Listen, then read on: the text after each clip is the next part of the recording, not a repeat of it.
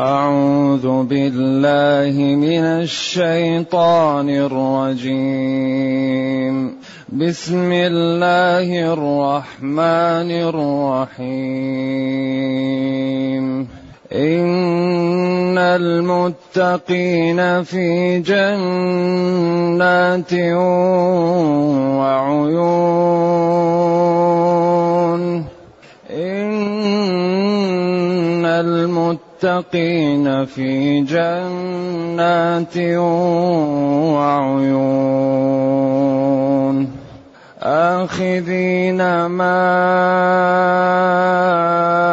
آتاهم ربهم إنهم كانوا قبل ذلك محسنين. كانوا قليلا من الليل ما يهجعون.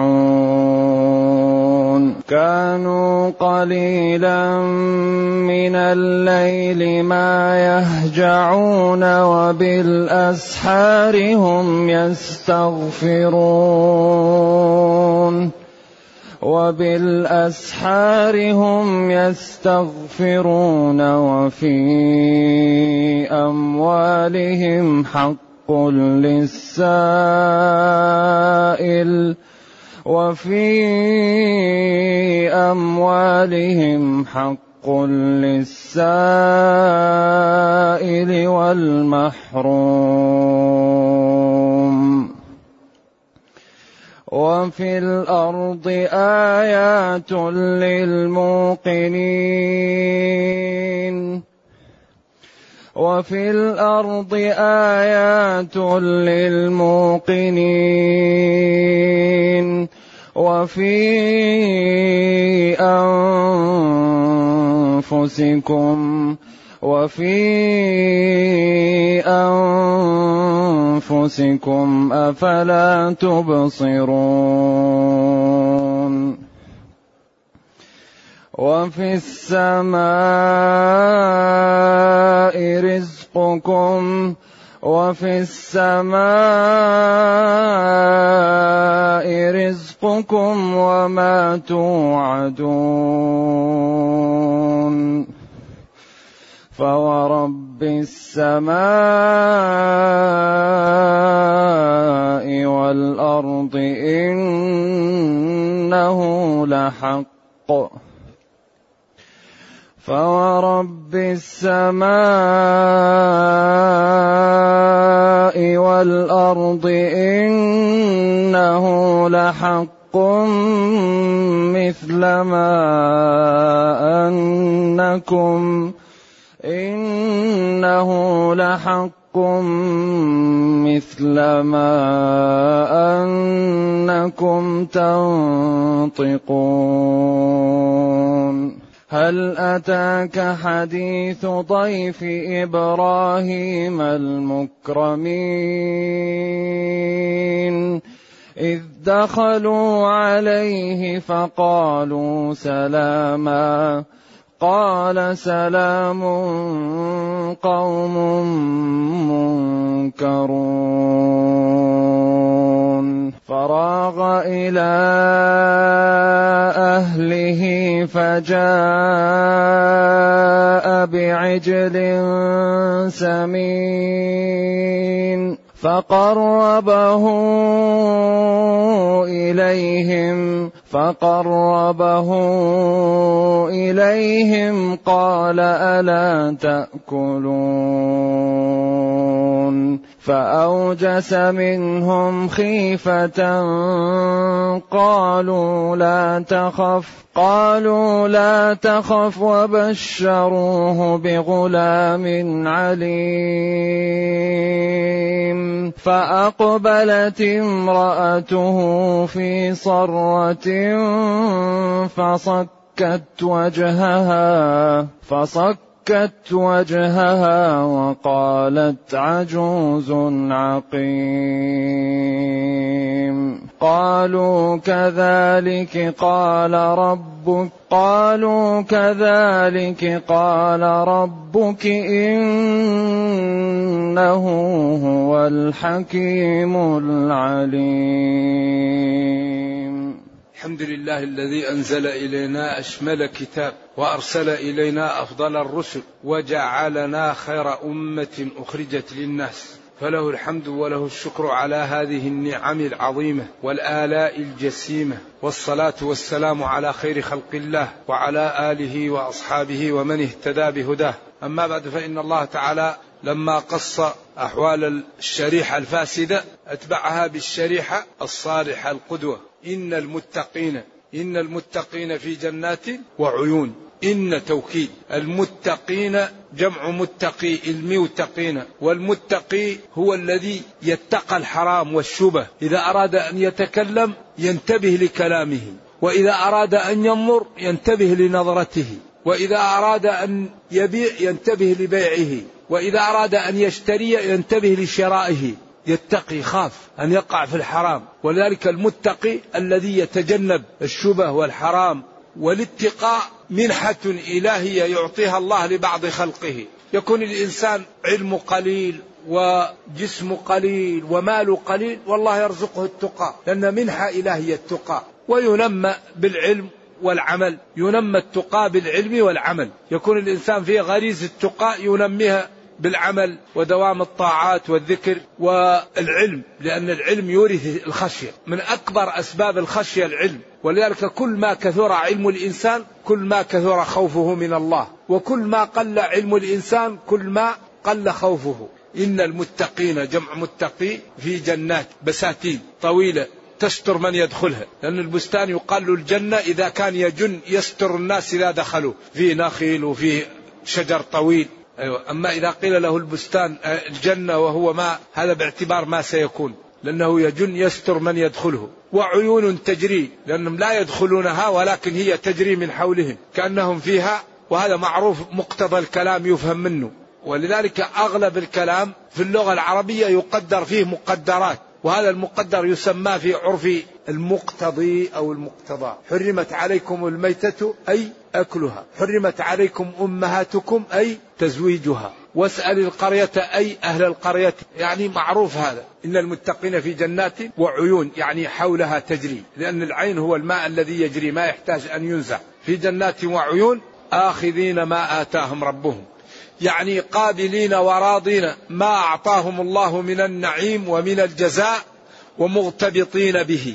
إن المتقين يعني هم في كرامة وهم قابلين ومغتبطين بما أعطاهم الله من النعيم ومن الكرامة والفضل. إنهم كانوا قبل ذلك محسنين. الإحسان هو أن يتقن الإنسان كل ما يفعل. هذا هو الإحسان. كل عمل تتقنه تكون أحسن. أي عمل تقوم به تحسنه هذا هو الإحسان. ولذلك قيل أن تعبد الله كأنك تراه. يعني فهذا طبعا الدلالة على هذا أنك في ركوعك وسجودك وقيامك تكون يعني في أقصى ما يمكن من الإتقان. هذا هو الإحسان. ولذلك أمر الله بالإحسان في كل شيء حتى في القتل.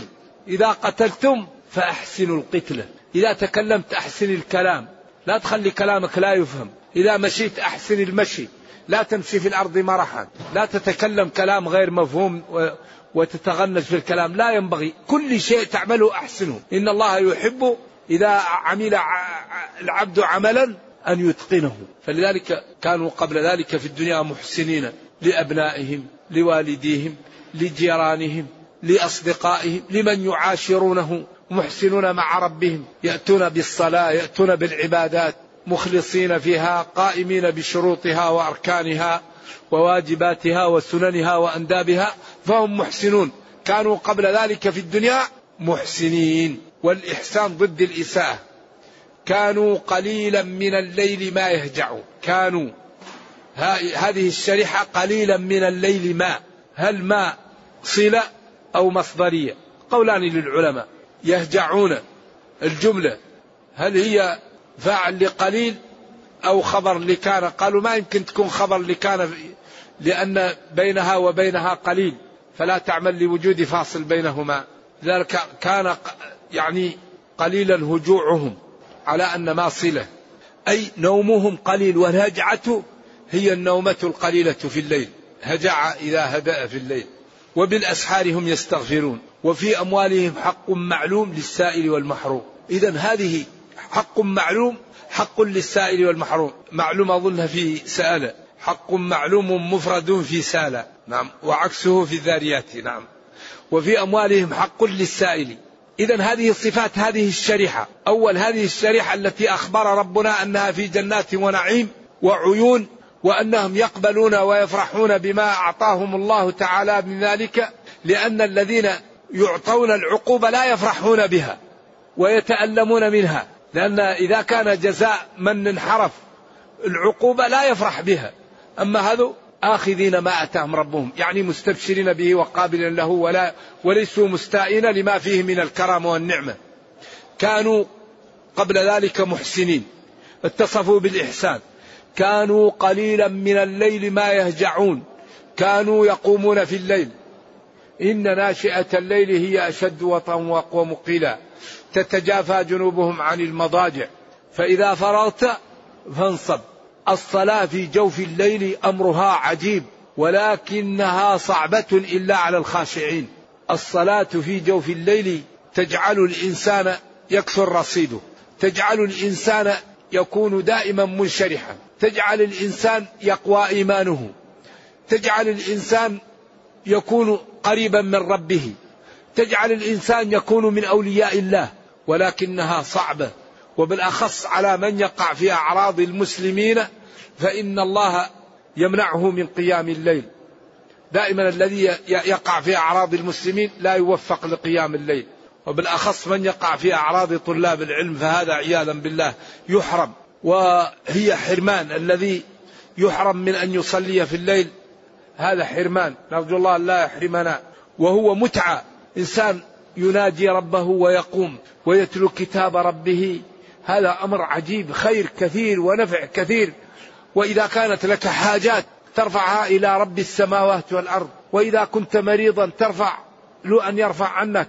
وإذا كنت لك يعني أي شيء تسأله الله الله يعطيك. وبالأخص إذا كان هذا في جوف الليل في ثلث الليل الأخير وقت الإجابة. فهذه الشريحة كانوا قليلا من الليل ما يهجعون قليلا هجوعهم ينامون قليل. كما قال هناك قم الليل إلا قليلا نصفه أو انقص منه قليلا أو زد عليه ورتل القرآن ترتيلا إنا سنلقي عليك.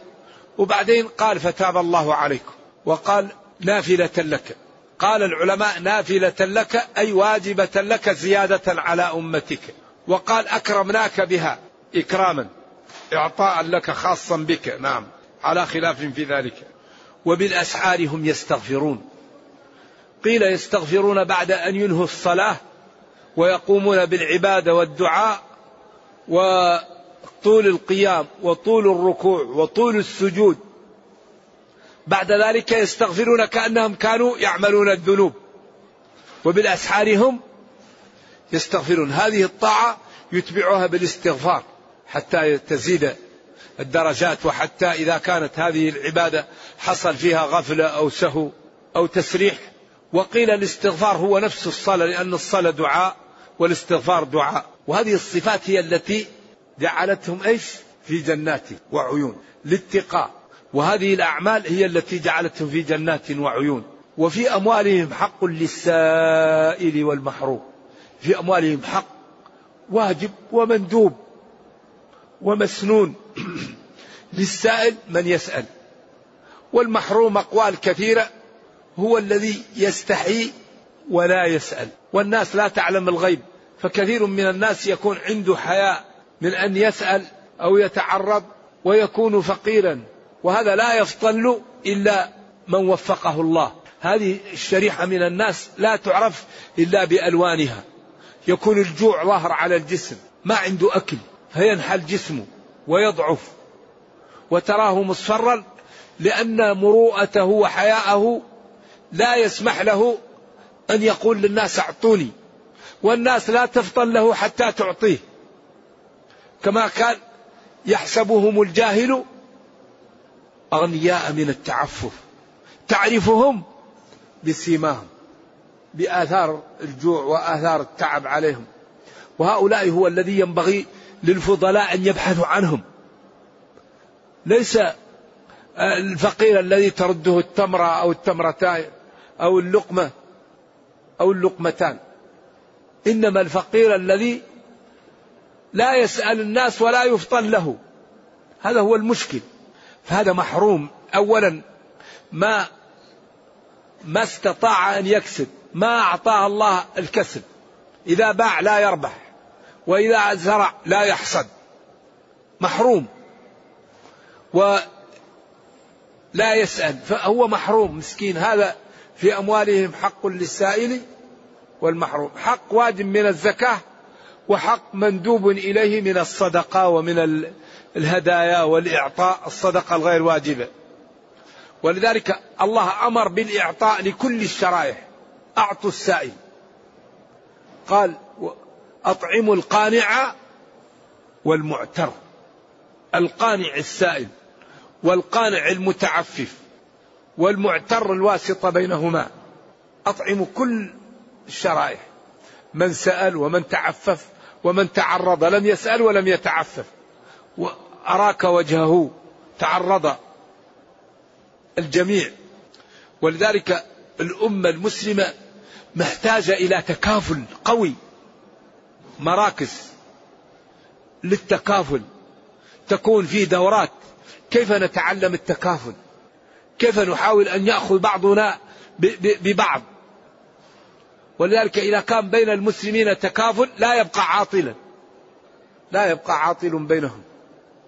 هذا عنده قدرة هذا عنده مال هذا عنده أرض فنأخذ أرض هذا ومال هذا.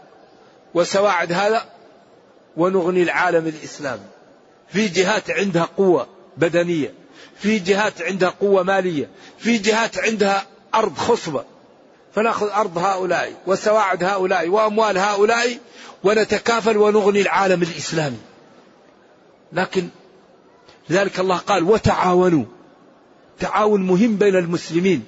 في أموالهم هؤلاء حق معلوم من الزكاة ومن الصدقة ومن القرض ومن الهبة للسائل والمحروم الذي يعني لا يسأل ولا يفطن له محروم. ثم بين قدرة الله تعالى على ما أعطى لهؤلاء وعلى ما عقب به أولئك. وفي الأرض آيات للموقنين. أنهار بحار أشجار جبال غابات زهور ثمار ألوان آيات لمن له يقن. هذا القادر عليه قادر على أن يكرم المتقين قادر على أن يعاقب المجرمين. هذا برهان على ما تقدم. وفي الأرض آيات للموقنين.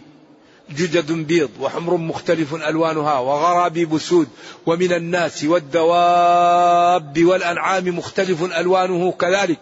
إنما يخشى الله من عباده العلماء بما عند الله للمتقين والعلماء بما عند الله للمجرمين. هؤلاء هم الذين يخشون الله. وفي الأرض آيات دلالات وبراهين للموقنين المصدقين بوعد الله تعالى وأنه هو المعبود بحق وأنه أرسل نبيه وأنه وعد المصدق بالجنة وأوعد المكذب بالنار. ثم قال وفي أنفسكم أفلا تبصرون أنفسكم من أين خلقت؟ فلينظر الإنسان مما خلق خلق من ماء دافق ثم أنشأناه خلقا آخر مضغة علقة ثم لحم ثم كسونا العظام لحما ثم أنشأناه خلقا آخر. خلق الإنسان من نطفة فإذا هو خلق الإنسان من نطفة فإذا هو خصيم مبين. خصيم كثير الخصوم مبين الكلام. ولذلك قال جل وعلا وفي أنفسكم أفلا تبصرون. هذه اللحمة التي تبين لك عما يجيس في صدرك. علمه البيان. هذه نعمة البيان لا نعمة مثلها. أي شيء تريد أن تبينه أعطاك هذه اللحمة تبين لك. وجعل لك تحتها عين عذبة تجم لك على قدر الحاجة. عين تحت اللسان تجم لك على قدر الحاجة. فإذا نشفت ما يمكن أن تبلع ولا الزبدة. وأعطاك هذه العين صبغة أبيض وصبغة أسود. وجعلها مليئة بهذه المادة المالحة حتى لا تنتج. وأعطاك هذه الأصابع وأبعد الإبهام عن السبابة حتى تعقد وتحل وتعمل الصناعات الدقيقة. لو جعل اليد مقرون الأصابع مع بعض ما يستطيع أن يحل ولا يعقد. لو كانت اليد الأصابع مقرونة كلها مع بعض كيف يحل؟ مقترنة مع بعض. ولذلك قال قادرين على أن نسوي بنانه. ليست البصمة لا. أن نجعل بنانه مستوية مقرونة مع بعض. ما في تفريق بينها. وقال نحن خلقناهم وشددنا أسرهم. وإلا لو لم يشد الأسر لقالوا مسكين فلان جرى البارح وسقطت رجله. أو نام وسقطت أذنه. لا شددنا أسرهم. عجيب صنع هائل. الظهر ما عنده عيون قوي. البطن الضعيف له عيون تحرسه. والأجنحة اليدين أمامه. عشان لا يجي شيء يشقها المعدة هذه. كرش ضعيفة مسكينة. لكن شوف العيون عليها. والظهر لما ما عنده عيون أصبح قوي. لو يضربه شيء ما يتأثر. صنع الله الذي اتقن كل شيء. وفي أنفسكم أفلا تبصرون؟ أفلا تبصرون في أنفسكم قدرة الله الهائلة ونعمه التي لا تحصى؟ فتبادرون بالتوبة وبطاعة ربكم؟ بعدين قال وفي السماء رزقكم وما توعدون. يا سلام!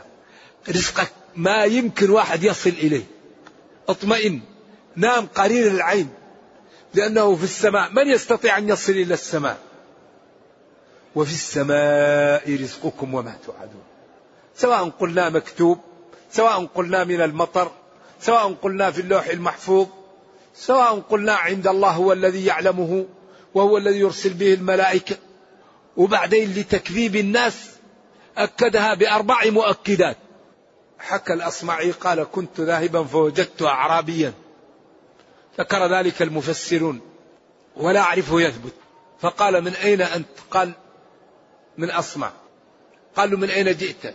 قال جئت من قرية يتلى فيها القرآن. قال له أتحفظ من القرآن؟ قال نعم. قال اقرأ علي من القرآن.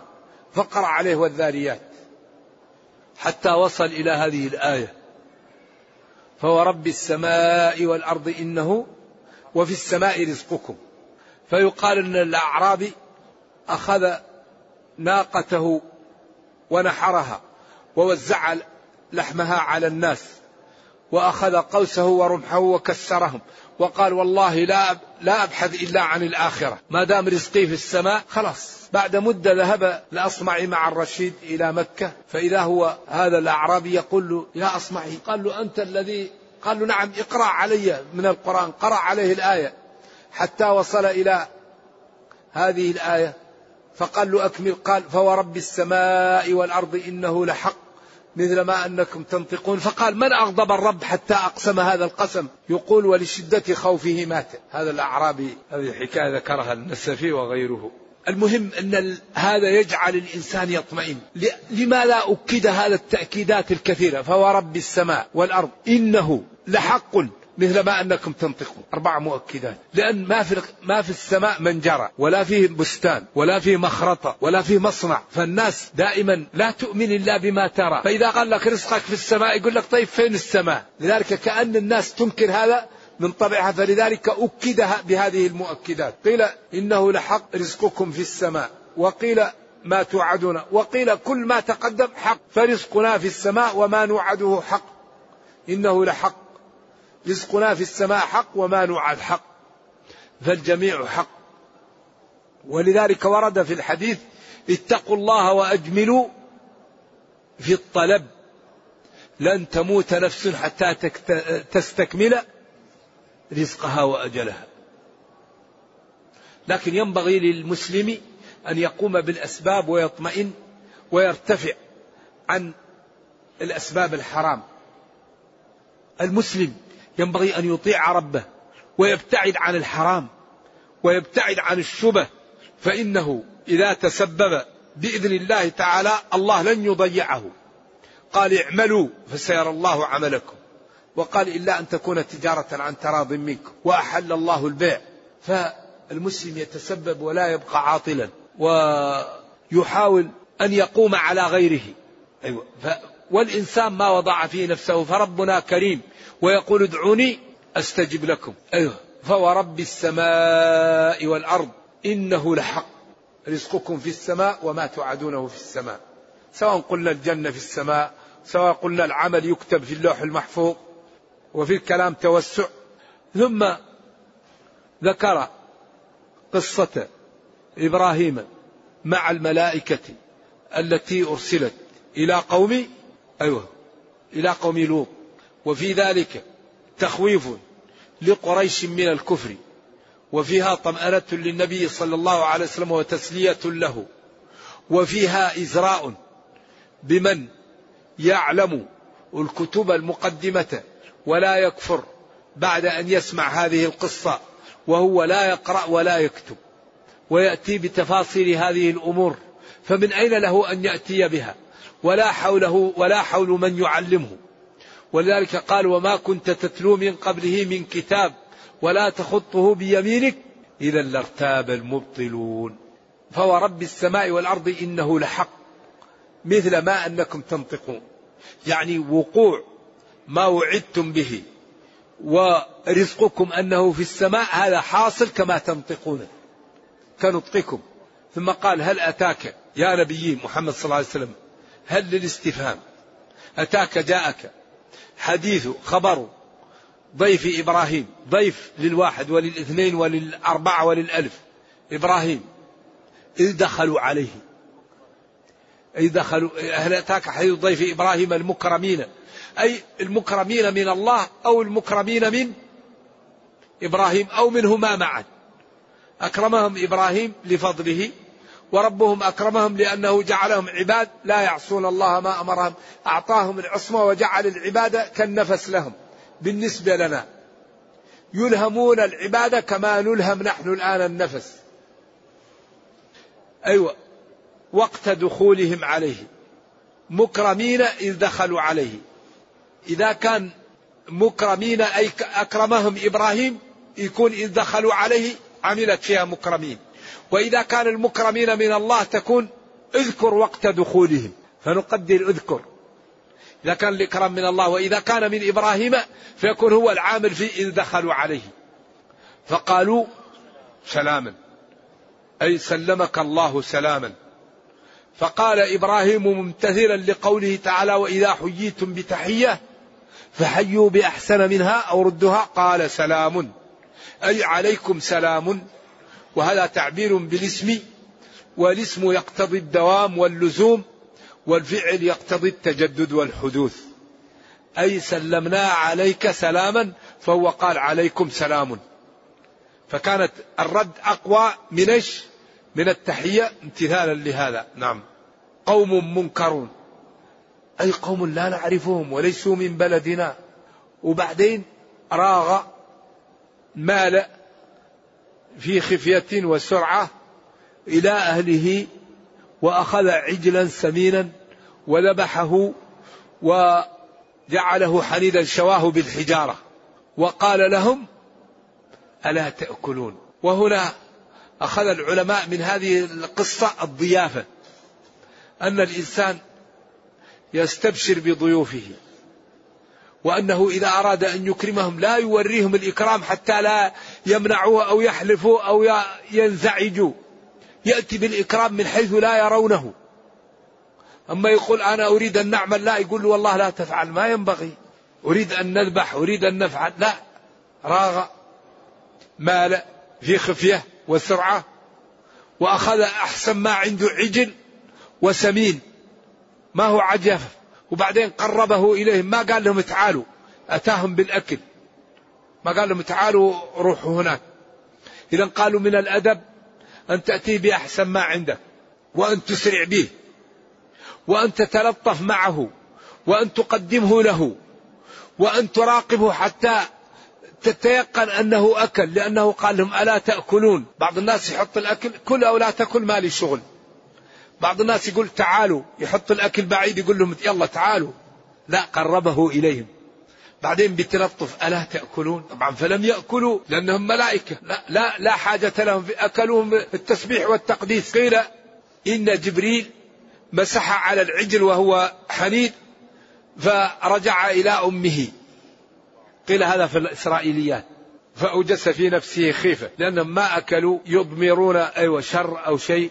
فأوجس منهم خيفة في نفسه. فرأوا ذلك الآثار فيه فقالوا لا تخف. إنا أيوة لا تخف. بعدين وبشروه. أخبروه خبرا تطلقت أسارير وجهه به وفرح بغلام عليم يكون عليم. وكانت امرأته تستمع الحوار من وراء الستار. فأقبلت امرأته في صكة في صرة. أي في صرة أي في صيحة. يقال صرير القلم صرير الباب. أي في صرة أي في صيحة. لشدة الفرح. وضربت بيديها وجهها تعجبا. وقالت عجوز عقيم عجوز وعقيم. فمن أين لي الولد؟ وبعلي شيخ أيضا كبير. قالوا كذلك الأمر كذلك. قال ربك والذي قال ربك سيقع. كما قال في الآية الأخرى أتعجبين من أمر الله؟ رحمة الله وبركاته عليكم أهل البيت إنه حميد مجيد. يقال في الإسرائيليات أن جبريل قال لها أمري فنورت السقف فإذا هو الأعواد التي في السقف تدلى منها الخضار والفواكه. قال لها شوفي هذا عمل الله فكيف ما يمكن يعمل لك هذا؟ إنه هو الحكيم يضع الأمور في مواضعها عليم لا تخفى عليه خافية. فيا سعادة من اتقاه ويا شقاوة من عصاه. نرجو الله جل وعلا أن يرينا الحق حقا ويرزقنا اتباعه وأن يرينا الباطل باطلا ويرزقنا اجتنابه وأن لا يجعل الأمر ملتبسا علينا فنضل. اللهم ربنا أتنا في الدنيا حسنة وفي الآخرة حسنة وقنا عذاب النار. اللهم اختم بالسعادة آجالنا. واقرم بالعافية غدونا وآصالنا واجعل إلى جنتك مصيرنا ومآلنا. سبحان ربك رب العزة عما يصفون. سلام على المرسلين والحمد لله رب العالمين. وصلى الله وسلم وبارك على نبينا محمد وعلى آله وصحبه. والسلام عليكم ورحمة الله وبركاته.